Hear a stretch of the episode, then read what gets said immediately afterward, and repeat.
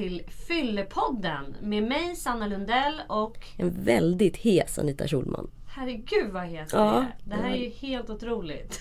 Det är februari som sagt. Ska du inte kunna prata idag? Jag tänker så här Sanna, att du kanske får driva mesta delen av det här samtalet i brist på röst. Vi har ju en super, super spännande gäst idag.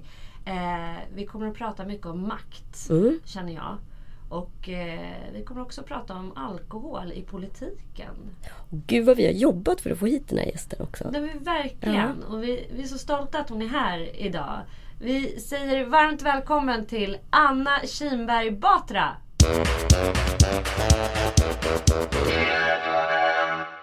Välkommen! Tack. Vill vi säga till dig Anna Kinberg Batra. Det är jätteroligt att ha dig här. Du är ju politiker och tror du att det är svårare att eh, jobba som politiker jämfört med andra yrken om man har svårt att vara nära alkohol?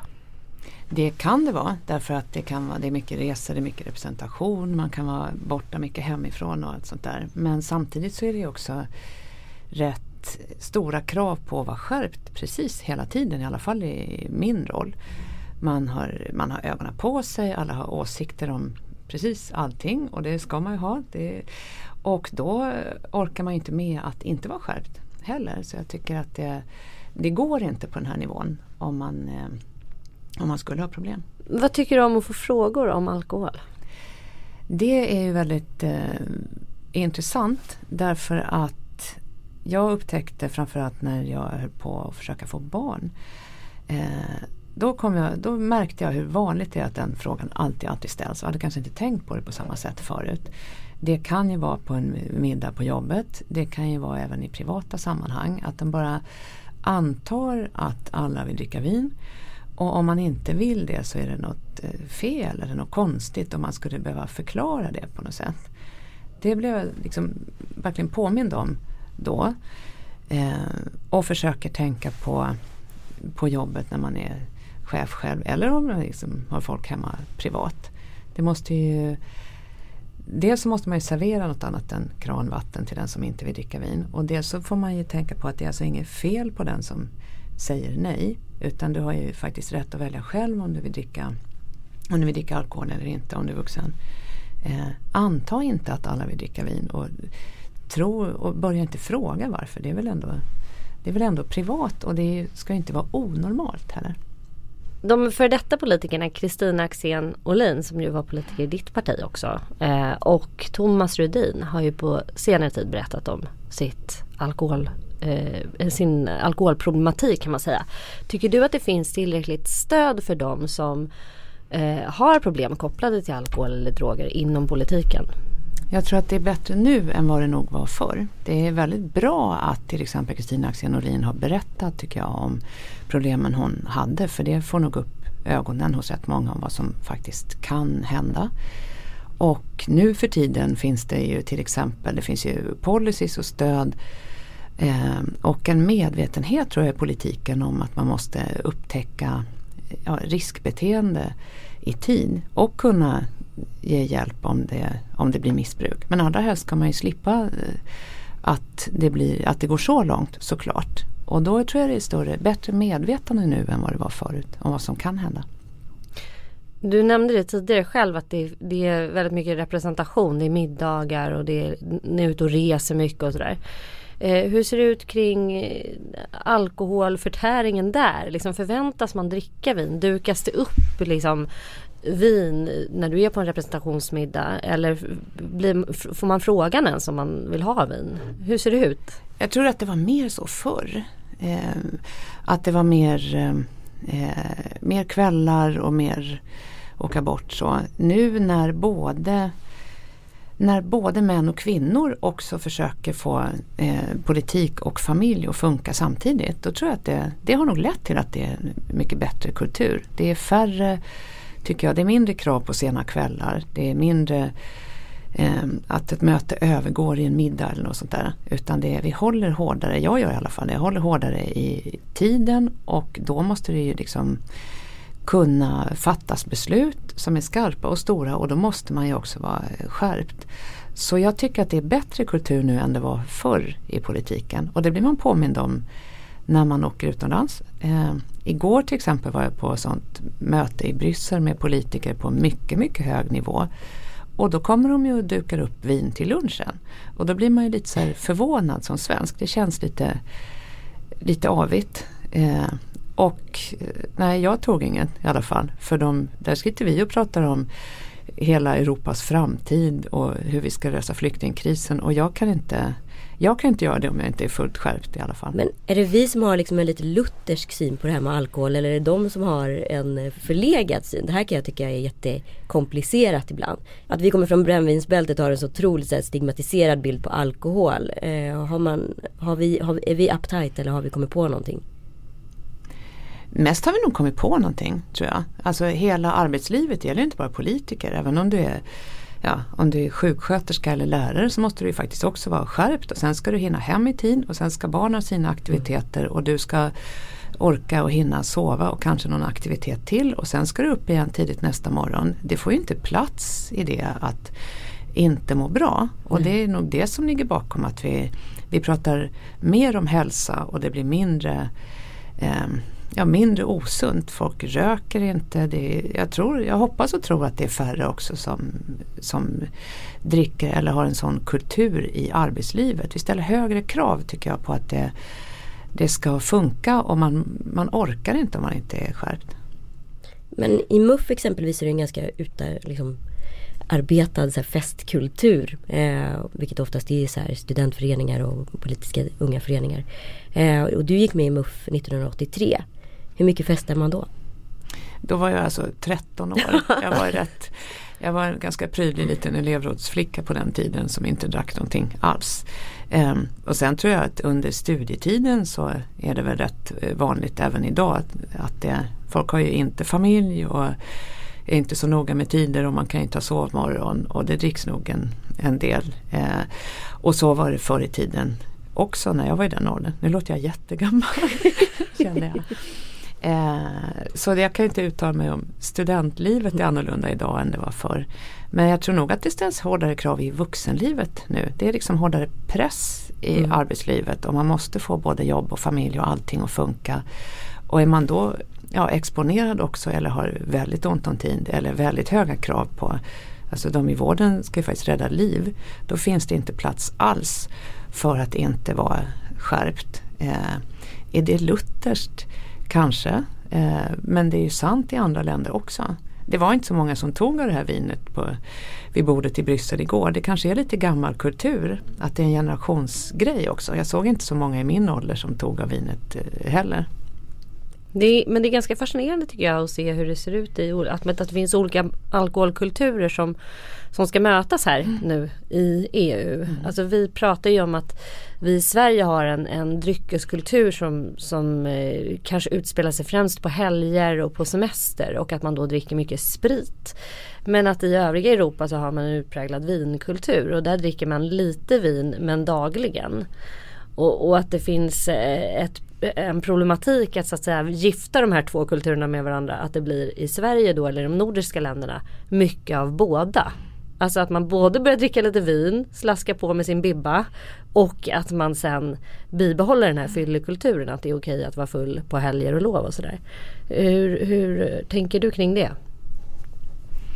Jag vet inte om det är så. Jag tror kanske har det funnits en risk att det blir så. Men jag tror att vi är mer medvetna idag om eh, vad som kan hända om man, eh, ja om det är alkohol nära arbetslivet eller i arbetslivet och så. Det finns mycket större medvetenhet i både riksdagen och i, i politiken där jag jobbar i alla fall. Så eh, om man har ett möte som håller på sent och sådär, då är det ju inte idag så att det liksom kommer fram alkohol på kvällen. På sam och det kanske det var mer förr i tiden att det var en annan kultur. I riksdagen till exempel var det många då som eh, levde ett liv i Stockholm i veckorna och sen åkte man hem till familjen så kanske det var fest på, på både i veckan i Stockholm och på helgen på hemorten. Mm. Eh, men det orkar man ju inte. Eh, och det tror jag att fler börjar ifrågasätta ändå. Det är mycket mer medvetenhet om idag att arbetslivet klarar inte det. Och det är alltså inte kul om någon eh, ja, luktar sprit på jobbet. Det är ett problem och då måste man ta tag i det tidigt.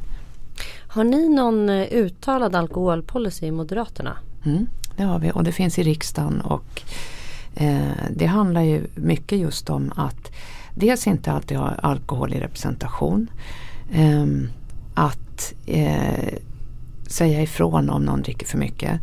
Att chefer och så också ska kunna upptäcka i tid om någon har ett riskbeteende så att man kan eh, hjälpa till innan det är för sent. Har du varit med om det någon gång att du har haft någon medarbetare som du har sett har haft problem? Och hur har du i så fall klarat av att ta det där samtalet?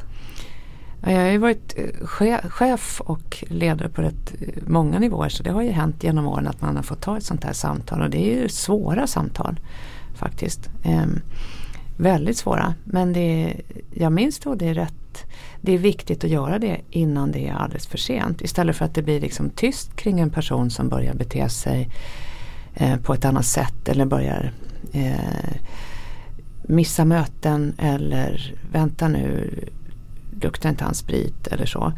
Eh, ju tidigare man kan ta det där samtalet desto viktigare ändå. Och det tror jag vi är bättre på då.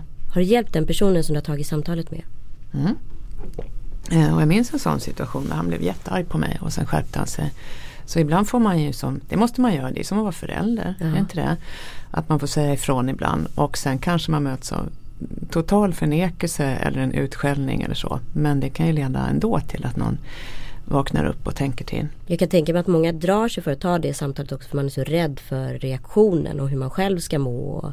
Alltså det är väldigt obekvämt att mm konfrontera Varför är det så obekvämt? Men det är ju mer obekvämt att liksom, den här personen får värre problem. Man ja. får ju liksom tänka på det också då. Ja det är ju väldigt rationellt. Mm. Eh, vi hade Daniel Lindström här som gäst för ett tag sedan som är modechef för Café. Eh, och han upplevde i alla fall att, att det på, han har jobbat på Café i 15 år och förr i tiden fanns det alltid liksom eh, vin och sprit på kontoret. Eh, och det var alltid liksom en öppning för en för ett fredagsvin eller en efterfest. Och hur, hur funkar det inom politiska väsendet idag? Nej men det är ju inte så. Eh, och där tror jag att tiderna har förändrats lite. Framförallt så är det ju när folk har eh, Både för att det är rätt hård press ändå i arbetslivet och det gäller inte bara i politiken. Och när ju fler som också har familj på en arbetsplats desto, desto mer vill ju folk ändå vara noga med vad man använder sin tid till när man är där och sen sen gå hem. Mm. Och sen um, Så det finns inte utrymme riktigt för att det liksom bara flyter ihop eller flyter över i något annat.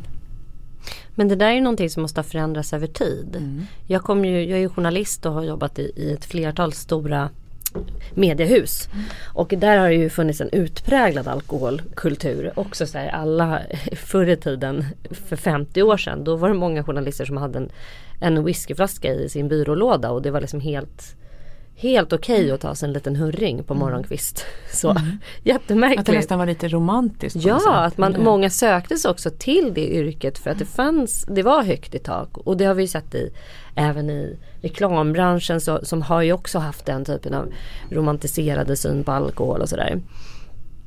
Men att det är några sådana här eftersläntrare som inte klarar av att se när man så att säga kliver in då och sätter gränser och förändrar en, en alkoholpolicy i en yrkeskår eller i ett hus. Att det blir lite motstånd hos vissa också. Mm.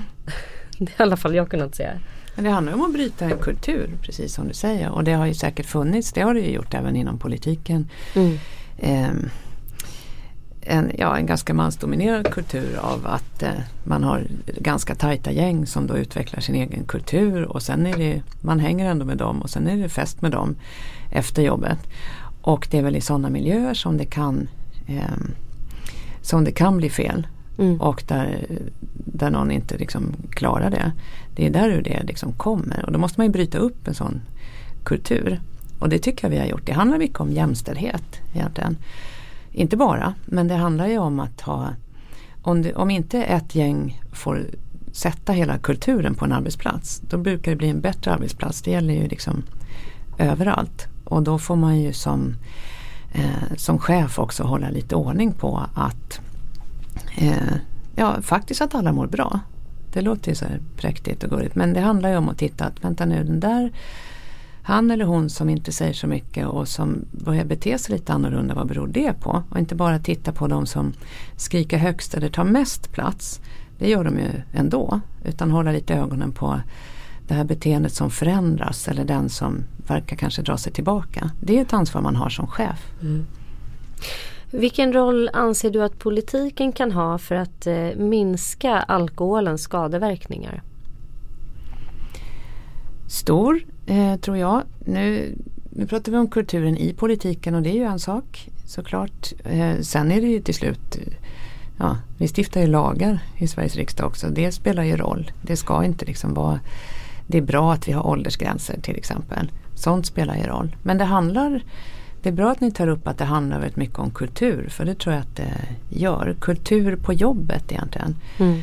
Eh, är det väldigt mycket också. Så allting är inte skarpa beslut i, och lagstiftning utan det handlar också om hur, hur beter sig med, hur beter man sig när man har makt? För då har man också kulturell makt. Mm. Och vad gör man om eh, någon på arbetsplatsen inte eh, mår bra?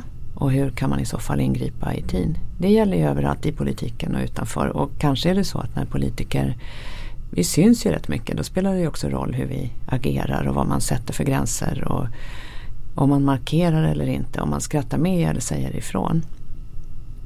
Hur, hur startade ditt politiska engagemang? Det har nog funnits jämt tror jag. Jag har alltid varit en sån där som, jag har med mig hemifrån att om man är typ sur på någonting eller så, då får man inte bara sitta och gnälla utan om man då kan göra någonting då ska man det. Och det har varit olika saker genom åren. Jag var med i elevrådet, jag har samlat namn mot djurplågeri och sen blev det Moderata ungdomsförbundet så småningom. Då. Och hur var du hemma vid matbordet? Vem var det som bestämde? Ja, vi diskuterade väldigt mycket. Ja. Eh, det var en väldigt trygg familj tycker jag. Eh, och vi, ehm, ja, vi, vi pratade mycket, diskuterade mycket och jag, jag minns det som att ehm, vi barn skulle liksom också ha en åsikt. Inte, alltså om man tyckte något fick man säga det och försöka förklara vad det var och varför och inte bli liksom Eh, ja, och bli uppmuntrad i det. Det tror jag är viktigt. Det försöker jag tänka på som förälder själv också. Ja men det känns ju också som så självklarheter för oss att uppfostra våra barn så. Men det var ju verkligen inte för våra föräldrar att uppfostra vår generation som. Alltså det var inte alls eh, det, var inte ofta, självklart när vi var barn inte. Nej, verkligen inte. Nej. Det fanns ju ofta barnbord, vuxenbord mm. och skulle inte mixas. Idag sitter de flesta ihop liksom. Mm. Mm. mm. Din mamma hon är ju också verksam inom politiken men för Liberalerna. Mm.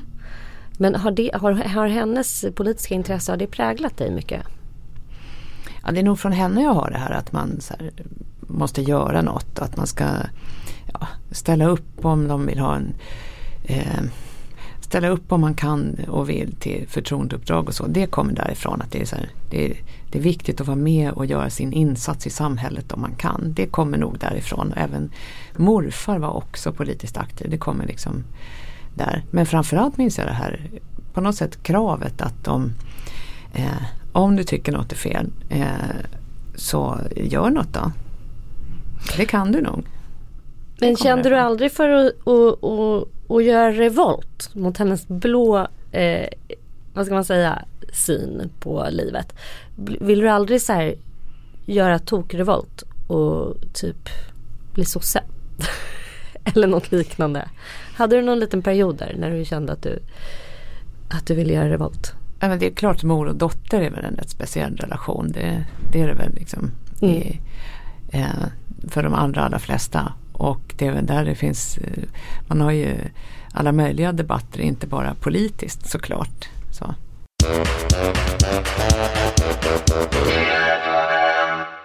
Vilka av de övriga partiledarna har du bäst kontakt med? Det är, det är nog Annie Lööf tror jag. Eh, det är flera, allianspartiledarna har ju eh, Vi har ju liksom en vardagskontakt som är rätt bra. Eh, men henne har jag känt i rätt många år och vi jobbade ihop innan hon blev partiledare och innan jag blev det, också. Så henne ska jag väl nämna. Men även de andra är rätt när Jonas Sjöstedt bröt foten för inte så länge sedan då var det någon som blev så förvånad över att jag tyckte synd om honom och önskade att han skulle krya på sig. Eh, för att han är liksom på andra sidan. Men så kan det inte vara. Så håller man inte på. Utan eh, flera av de här av övertygade politiska motståndare kan man ju ha rätt stor sympati för som personer. För jag har väldigt respekt för om någon är engagerad på riktigt, verkligen helhjärtat brinner för någonting. Och sen tycker inte jag som han i sak. Men det är en väldigt trevlig person. Och det, det är också viktigt, man ska inte stå ut i riksdagen om, man, om alla går och hatar varandra på riktigt. Det gör vi inte. Det är en väldigt vanlig fråga från barn som är och hälsar på. Om vi gör det, men det gör vi inte. Det var en intressant situation ifall det var så tyst i korridorerna och snabba steg hela tiden. Mm. Lite jobbigt. Eller väldigt mm. jobbigt läge. Ja. Ägna ett liv åt att gå runt och hata. Men det, är en, det där tror jag är en väldigt vanlig föreställning. Jag tror att det är rätt vanligt. En jättevanlig fråga. Också, att man bara säger, men då gillar jag inte dig för du tycker inte som jag. Mm. Det är klart att man kan tycka om någon som tycker annorlunda. Mm. En hel del alkoholreklam mm. når ju ut och når våra unga. Hur tänker du kring det? Eh, bekymrat absolut. Och det är nog svårt. Eh, det är väl lättare kan jag tänka mig att det når unga också när man har fler mediekanaler och det är lättare att nå ut i sociala medier till exempel. Så, och då kommer man väl till att man som förälder måste vara lite uppmärksam på vad barnen ser för någonting också. Det kan vara svårt att hänga med i. Nu, mm. låter jag, nu känner jag mig lite gammal. Sådär. Eh, men det kan det vara, men det måste man väl försöka göra. Man blir mer medveten överhuvudtaget om sådana här frågor när man blir förälder tror jag. Då kommer det en, en ny generation som exponeras för mycket mer tror jag än vad vi gjorde. Vad har du själv för eh, inställning till alkohol? Hur ser din egen alkoholkonsumtion ut? Ja, den är ju väldigt begränsad. Eh, för jag eh, skulle inte orka. Jag kan tycka det är gott med ett glas vin till maten när jag är ledig. Men i, i veckorna så har jag väldigt höga krav på mig själv. Både inifrån mig själv och utifrån massa andra också. Så är det ju ändå på den här nivån. Jag ska, liksom, ja, jag ska leda ett parti och det händer saker i politiken, det händer saker i omvärlden och då måste man vara jätteskärpt hela tiden för att, för att orka egentligen. Så jag försöker hinna med, jag försöker hinna med att springa flera gånger i veckan och liksom orka träna. För att orka även psykiskt. Mm. Och ehm, eh, då finns det inte så mycket utrymme för så mycket annat. Jag tänkte på det att när jag ser eh, lite grann, jag följer ju dig på Twitter mm. och på Instagram. Och jag följer dig också. Ja, vad kul. Men det ser ut som att du har ett fullspäckat schema verkligen. Mm. Och eh, jag tänker lite grann på det att utmattningssyndrom eh, eller olika typer av utmattningssymptom är ju rätt vanliga hos kvinnor. Mm. Det växer. Det är en problematik som håller på att bli väldigt, väldigt stor. Hur gör du för att orka med hela det här tuffa schemat? Förutom att springa då. Men alltså är du orolig ibland? Vi har ju en annan partiledare som faktiskt var sjukskriven här nu, Jimmy Åkesson. Mm. Mm. På grund av utmattningssyndrom. Mm. Hur, hur gör man för att orka med en sån här situation som du lever i? Man får liksom hålla ordning på sin energi på något sätt tror jag. Eh, jag tränar. Eh, jag tar det väldigt lugnt med alkohol då, till exempel. Eh, och sen får man ju fokusera rätt mycket om man ska vara väldigt, väldigt skärpt i en situation. Och sen kanske snabbt bara byta till en helt annan situation där man också måste vara helt skärpt. Det blir man jättetrött av mm. såklart. Eh, det, det skulle alla bli tror jag. Och då måste man se till att sova, äta rätt, eh, må bra. Och försöka och det gäller väl på varje arbetsplats, försöka hålla energitjuvarna borta egentligen. Och vara så effektiv man kan i det man gör. Men återhämtning måste man ju ha, annars skulle man ju gå under. Så när jag är ledig, väldigt ledig, då har jag inget behov av att göra något särskilt alls. Eh, amerikanska politiker jobbar ju väldigt mycket liksom som eh, president Obama och Michelle Obama, de jobbar ju väldigt mycket som ett duo, som ett par. Man använder liksom familjen som en bild för att här, skapa någon typ av kultur inom eh, här, samhället eller politiken. Jag vet inte vad man försöker spegla men har du någonsin eller har ni inom partiet någonsin haft några sådana här strategier? För du och David, din man, gör ju inte speciellt mycket tillsammans som man ser utåt. Men Sverige är ju verkligen inte USA. Nej. Tycker jag överhuvudtaget. Jag tycker vi, vi skulle nog vara lite obekväma med sådana här eh, ja, politikerfamiljer till exempel. Där man har familjen som redskap. Sådär. Jag tycker vi har eh, Det hänger ju ihop med jämställdhet i Sverige tycker jag. Om vi har en eh, Vi har ett samhälle där både kvinnor och män jobbar och där man har också rätt till, man är sin egen identitet, sin egen person, sin egen yrkeskarriär. Eh, och man lever inte bara genom honom eller henne. Och det tycker jag är, är bra ändå. Och då är det så här, det är jättekul att ha make med sig ibland på ett kalas eller så. Men han har ju sitt jobb och jag har mitt. Eh, och det, eh, det gäller ju för de allra flesta. Sådär på den här nivån. Vi har inte så mycket first families i Sverige. Tror jag. Fast jag måste och jag tror det skulle vara lite främmande för vår kultur, skulle det inte det? Ja fast jag tänker att eh, Fredrik Reinfeldt och Filippa Reinfeldt De kanske var det första sådär offentliga paret och deras barn var lite mer så. Ja det var lite Mm. grann så. Mm. Och jag har en liten teori om att det kanske låg bakom hans framgångar.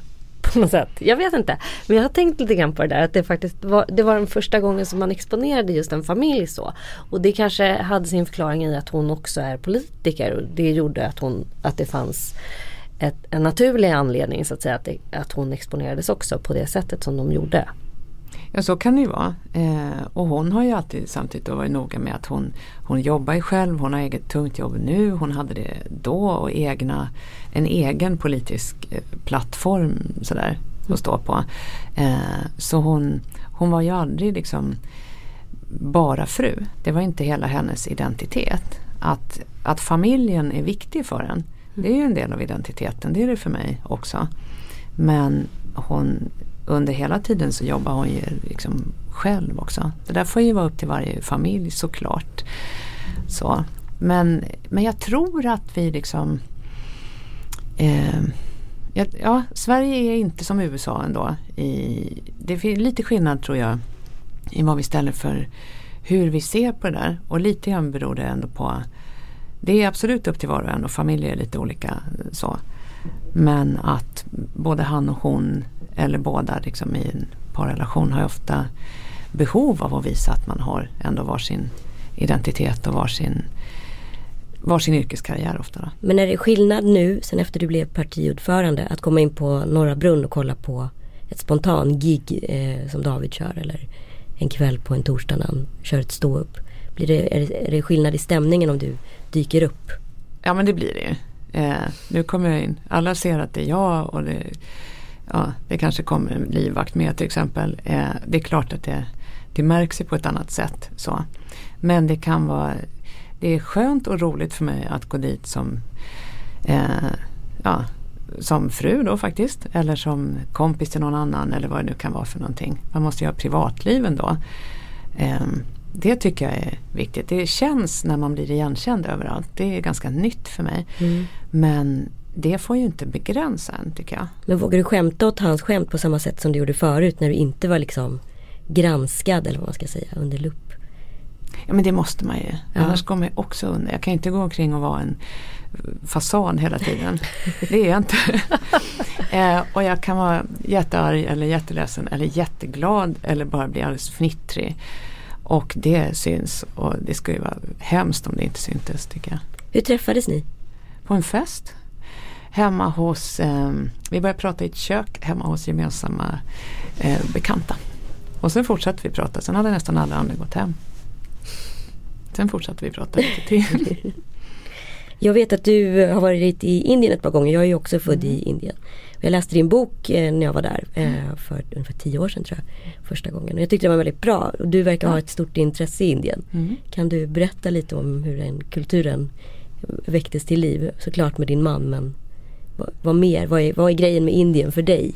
Jag vet vad den är för mig. Ja men det fick mig att upptäcka att det var så mycket mer. Mm. Eh, när jag gick i skolan och var barn, det var på 70-talet då. Då läste man mycket om så här, i och u-länder och eh, fick en bild i skolböckerna. Inte, man fick inte så mycket bild alls av Indien och det lilla man läste om handlade om fattigdom och kast och kossor på dagarna på gatorna. Och det var liksom det man visste på något sätt. Och sen började jag, och jag hade aldrig varit i Indien innan jag träffade min man. Och så började jag åka dit med honom och träffa släktingarna då. Som eh, eh, öppnade mina ögon för att det hände väldigt, väldigt mycket mer. Och Indien förändras enormt och det finns, det finns kossor på gatorna på vissa ställen. Eh, inte i Delhi längre som det var förut. Men eh, det finns väldigt, väldigt mycket mer också och det växer och det berör oss. Och jag kände någon slags lust att berätta den historien lite på svenska och det var inte så många som hade gjort för tio år sedan ungefär var det här. Nu är det fler som gör det. Nu börjar väl nu åker det dit näringslivsdelegationer och sånt där. Eh, Kommer visumet avskaffas någon gång? Så att man kan få sig vanligt turistvisum? Det är väldigt, väldigt krångligt ju. Ja, det är jättekrångligt. Visum, hur? Och det finns massa byråkrati och det, det finns ju fortfarande mycket fattigdom i Indien också. Men det förändras enormt. Ja. Och de, eh, ja, nu om man föds i Indien idag har man ju chans att leva kanske dubbelt så länge i alla fall som för bara några decennier sedan. Det har mm. hänt enorma saker med de som är ja, de som är allra, allra fattigast, där har ju flera hundra miljoner ändå ett mycket bättre liv nu. Flickor får gå i skolan, alla måste gå i skolan och så var det ju inte förr. Och det ger ju enorma möjligheter framåt. Men det här med byråkratin, alltså passen och svenska företag som är där berättar att det är jätte, jättekrångligt. Sist, jag brukar försöka hålla koll på Indien lite i jobbet också. Sist jag var där var jag på H&M. Mm. Och de, nu öppnar de butiker och då vill de anställa kvinnor. Eh, och då är det så här, möter de massa krångliga regler att kvinnor inte får jobba på kvällen. För det brukar de inte få göra i Indien. Men det, det tänkte hon att, ja men hallå butiken är öppen på kvällen och säljer ju till kvinnor. Ja. Så det finns ju lite sånt kvar att ordna, det gör det ju.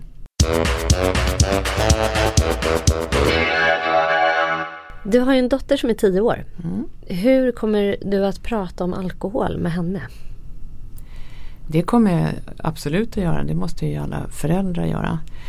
Och eh, det som är viktigt då är väl att barn som växer upp och blir tonåringar också kan känna att eh, man har vuxenstöd. Att man kan liksom man kan alltid ringa hem, man kan alltid fråga och det är inte bara det som sägs på nätet eller som kompisar säger som är, som är hela sanningen. Eh, tonåringar och grupptryck kan ju liksom eh, det kommer nog alltid finnas men det är väl där det är viktigt att det finns en vuxen att vända sig till. Har du några politiska förebilder? Ibland har jag svarat så här, vissa namn på den frågan och säga typ Madeleine Albright eller så. Och det ska jag gärna göra. Och, eh, ja, jag tycker Angela Merkel är beundransvärd. Så. Och sen brukar det då, om man säger något sånt där namn, då står ni överallt sen. Och så får man massa frågor om den personen. Och jag, det är inte så att det, de är svaret så på alla frågor. Utan eh, eh, jag tänker inte så mycket på förebilder i meningen att så här, jag vill bli precis som hon. Eh, eller han. Utan man måste ju vara trygg i sig själv tycker jag. På, om man ska få någonting gjort här i livet överhuvudtaget och inte och därför är jag alltid lite så obekväm med frågan om förebilder. Men de är ju väldigt coola det är de. Ja men det handlar mer om vad de har lyckats åstadkomma eller resan de har gjort. Ja, eller, ja. och massor. Och de är coola. De är coola för att de har fått mycket gjort. Mm. Och de är väldigt coola som personer. Madeleine Albright har jag aldrig träffat. Men Angela Merkel har jag träffat ett antal gånger.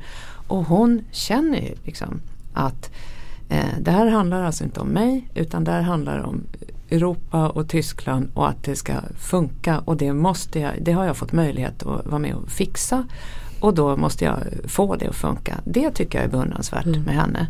Så det är inte liksom personen sådär som jag sätter upp på en stor pedestal utan det är mer så här de som är trygga och får någonting att hända och inte är så märkvärdiga själva. De beundrar jag alltid. Det kan vara politiker eller någon, det kan ju vara någon man har omkring sig i vardagen också. Eh, jag tänkte, för att återkoppla lite grann till det här att du, du är ju nu då partiordförande mm. i Moderaterna. Mm. Det innebär ju att du sitter på en maktposition. Mm. Verkligen. Du har ju varit ledare på, på, på, andra plan och nivåer också förut tidigare men nu är du ju det rent helt offentligt för gemene man. Så dels blir du ett känt ansikte. Men du har ju också massa reell makt. Hur, hur tänker du kring den här makten? Är den berusande eller är den besvärande? Eller hur? Den får inte bli någon av dem, tycker jag. Eh, det finns politiker runt om i världen och sådana finns även i Sverige som låter makten berusa och som tror att det är de själva det handlar om det här. Det tror jag är farligt och då tror jag man fattar dåliga beslut. Om den är besvärande ska man inte heller hålla på med det här. För det är ju det är mer än ett heltidsjobb. Jag, har inte, jag går inte på eh, jag går inte på någon kvällskurs eller sjunger i kör eller har någon häst eller något sånt där. Det får liksom inte plats utan det här är det jag gör. Det är jobb och familj. Eh, och det gör jag för att jag tycker det här är spännande och viktigt och det engagerar mig och det ger ju energi också. Eh, så ser jag på makt. Det är ju ett verktyg att påverka och förändra och det tycker jag är väldigt roligt. Det är ju eh, det är häftigt och lite av en, det låter så här pretentiöst att säga att det är en gåva. Eh, men det är ett förtroende jag fått och en möjlighet att påverka i rätt riktning i en tid som faktiskt är rätt spännande. Nu låter det jättepretentiöst. Det är typiskt kvinnor att be om ursäkt för sig själva. eller hur? Det ska jag inte göra. Det är en chans att påverka i en tid där det är, där det är viktigt. Och det tycker jag är väldigt roligt och engagerande.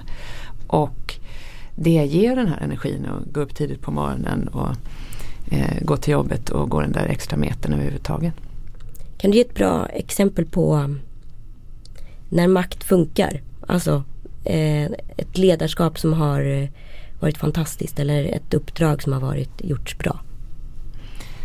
Ja men jag skulle vilja ge två mm. egentligen. Mm. Alltså dels finns det ju rena förslag som har blivit verklighet.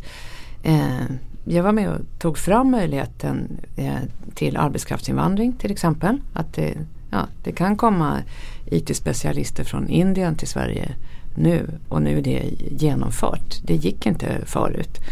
Och jag har varit med och genomfört andra viktiga eh, jag har varit med och sänkt skatt och sådana saker eller gjort att man kan välja vård och skola till exempel. Det är ju häftigt när man ser att det funkar. Eh, sen är det ju på den här lilla mer mänskliga nivån väldigt kul om man kan väcka någon annans engagemang. Och det är ju också någonting som följer av att, det, eh, av att man syns. Eh, så om det kommer någon och eh, till exempel frågar kan jag, ska jag ta det här uppdraget, vågar jag ta den här chansen? Eller om man kommer till en skola och någon är lite blyg och man ser att den här vill Ofta hon, eh, hon vill liksom gå fram och säga något men är lite blyg sådär. Eh, då brukar jag gå fram till henne och fråga liksom vad hon vill och då kan det vara att hon hade idé på någonting. Och om man kan väcka det engagemanget, det tycker jag är en väldigt, väldigt bra dag på jobbet. Det är mer i rollen. Mm. Eh, så det är kanske lite abstrakt men för, eh, för mig betyder det mycket. Vad är det som är så himla kul med ditt jobb? Att få saker att hända och få andra med sig när man gör det. Det är någonting större än en själv där att leda ett parti. Eh, så om vi tar fram en idé eh, så gör vi det för att vi, det är en lösning på ett problem. Om man har så förslag som gör att ja, Idag har vi hållit på, på med utrikesfödda kvinnors möjlighet att jobba till exempel. Om man tar fram förslag som faktiskt gör det möjligt. Om det går att genomföra sen.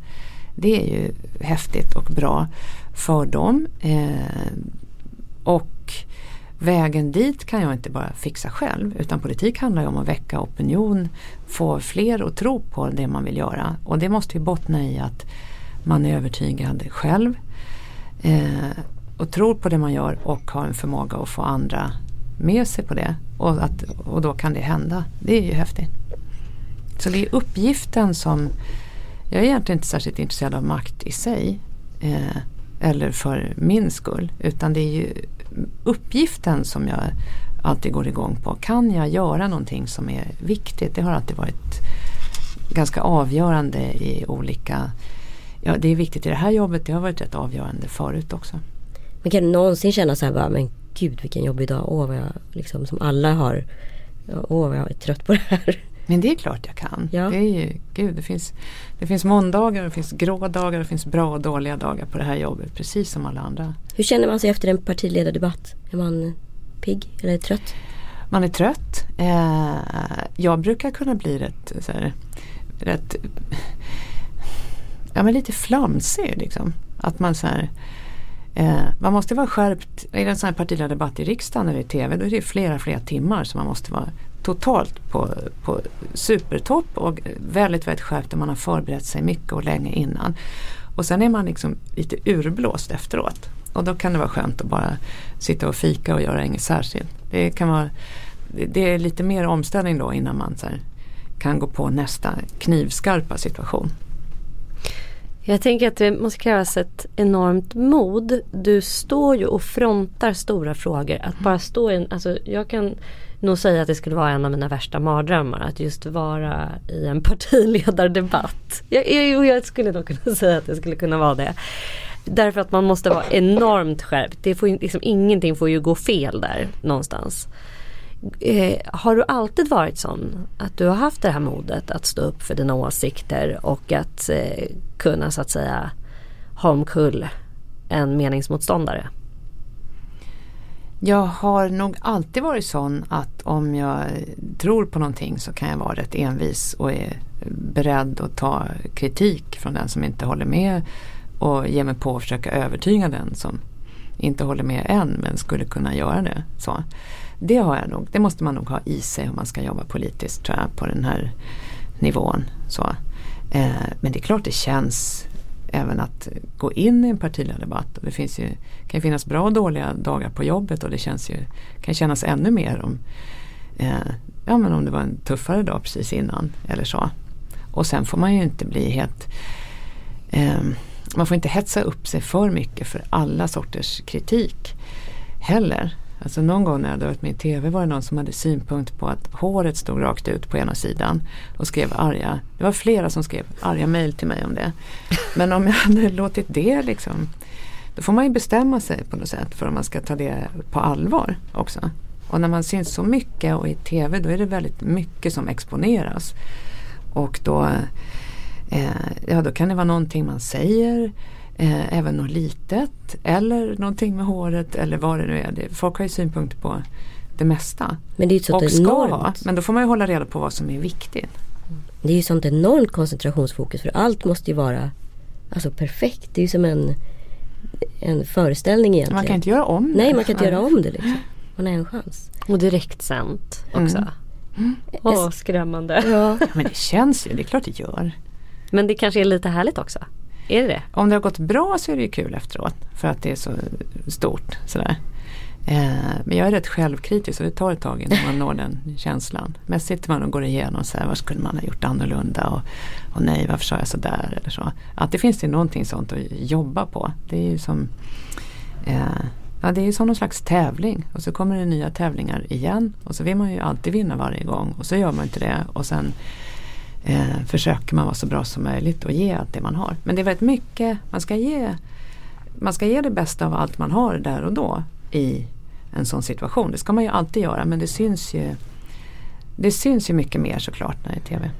Jag vet inte hur det funkar inom politiken men eh, det, ibland så oavsett vilket jobb man än har om man är i en ledarskapsposition så är det lätt att hamna i en, i en ja-sägargrupp för att man har, är en chef helt enkelt. Vem är din eh, nej-sägare? jag på säga? Eh, men det har jag flera. Eh, det kan man ju ha hemma. Eh, och det måste man ha med medarbetare också tycker jag. Jag blir lite misstänksam om alla bara skulle tycka jag är toppen plötsligt. Då skulle jag gå och peta tills det är någon som säger emot eller nej det här var inte så lyckat eller gör så här istället. Eller så.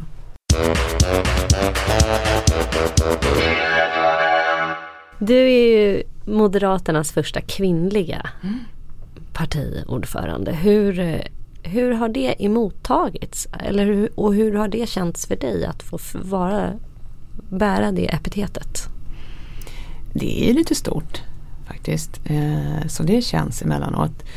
Eh, och det på flera olika sätt. Det är väl både bra och dåligt. Då. Jag, kan, ju har inget att jämföra med. Men eh, det ena är att kvinnor syns och ifrågasätts tror jag mer. Eh, det är fler, jag tror inte Fredrik Reinfeldt fick en massa mejl om sitt hår. Eh, till exempel. Eller eh, funderar lika mycket på vad man skulle ha på sig. Jag funderar inte så mycket på det. Men det är fler som har synpunkter på sånt på kvinnor. För man har mer, eh, mer att variera med. Han hade väldigt kort hår och alltid kostym. Och så var det med det. Och så kunde man diskutera färgen på slipsen kanske. Eller om den skulle vara på. And that was it. Med kvinnor är det mer sånt. Eh, och sen så eh, men det som är bra är ju att det ger lite nyfikenhet också. Det är väldigt, väldigt roligt att möta särskilt tjejer som eh, blir nyfikna och undrar vad ska hända nu? Och Jaha, du är feminist, det har jag aldrig hört från en moderatledare förut. För det hade de ju kanske inte. Men eh, för mig är det naturligt och det spelar ju faktiskt lite roll. Alltså kan jag kan jag väcka någons engagemang eller få killar mer medvetna om jämställdhet så är ju det faktiskt också bra. Med de orden så ska vi avsluta Fyllepodden. Tack snälla du för att du kom hit. Det har varit otroligt intressant eh, att få träffa dig. Tack. Tack, Tack snälla för att du kom. Fyllepodden görs i samarbete med IQ och är ni intresserade av era egna alkoholvanor och hur era dryckesmönster ser ut om de kan vara skadliga så kan ni gå in på www.alkoholprofilen.se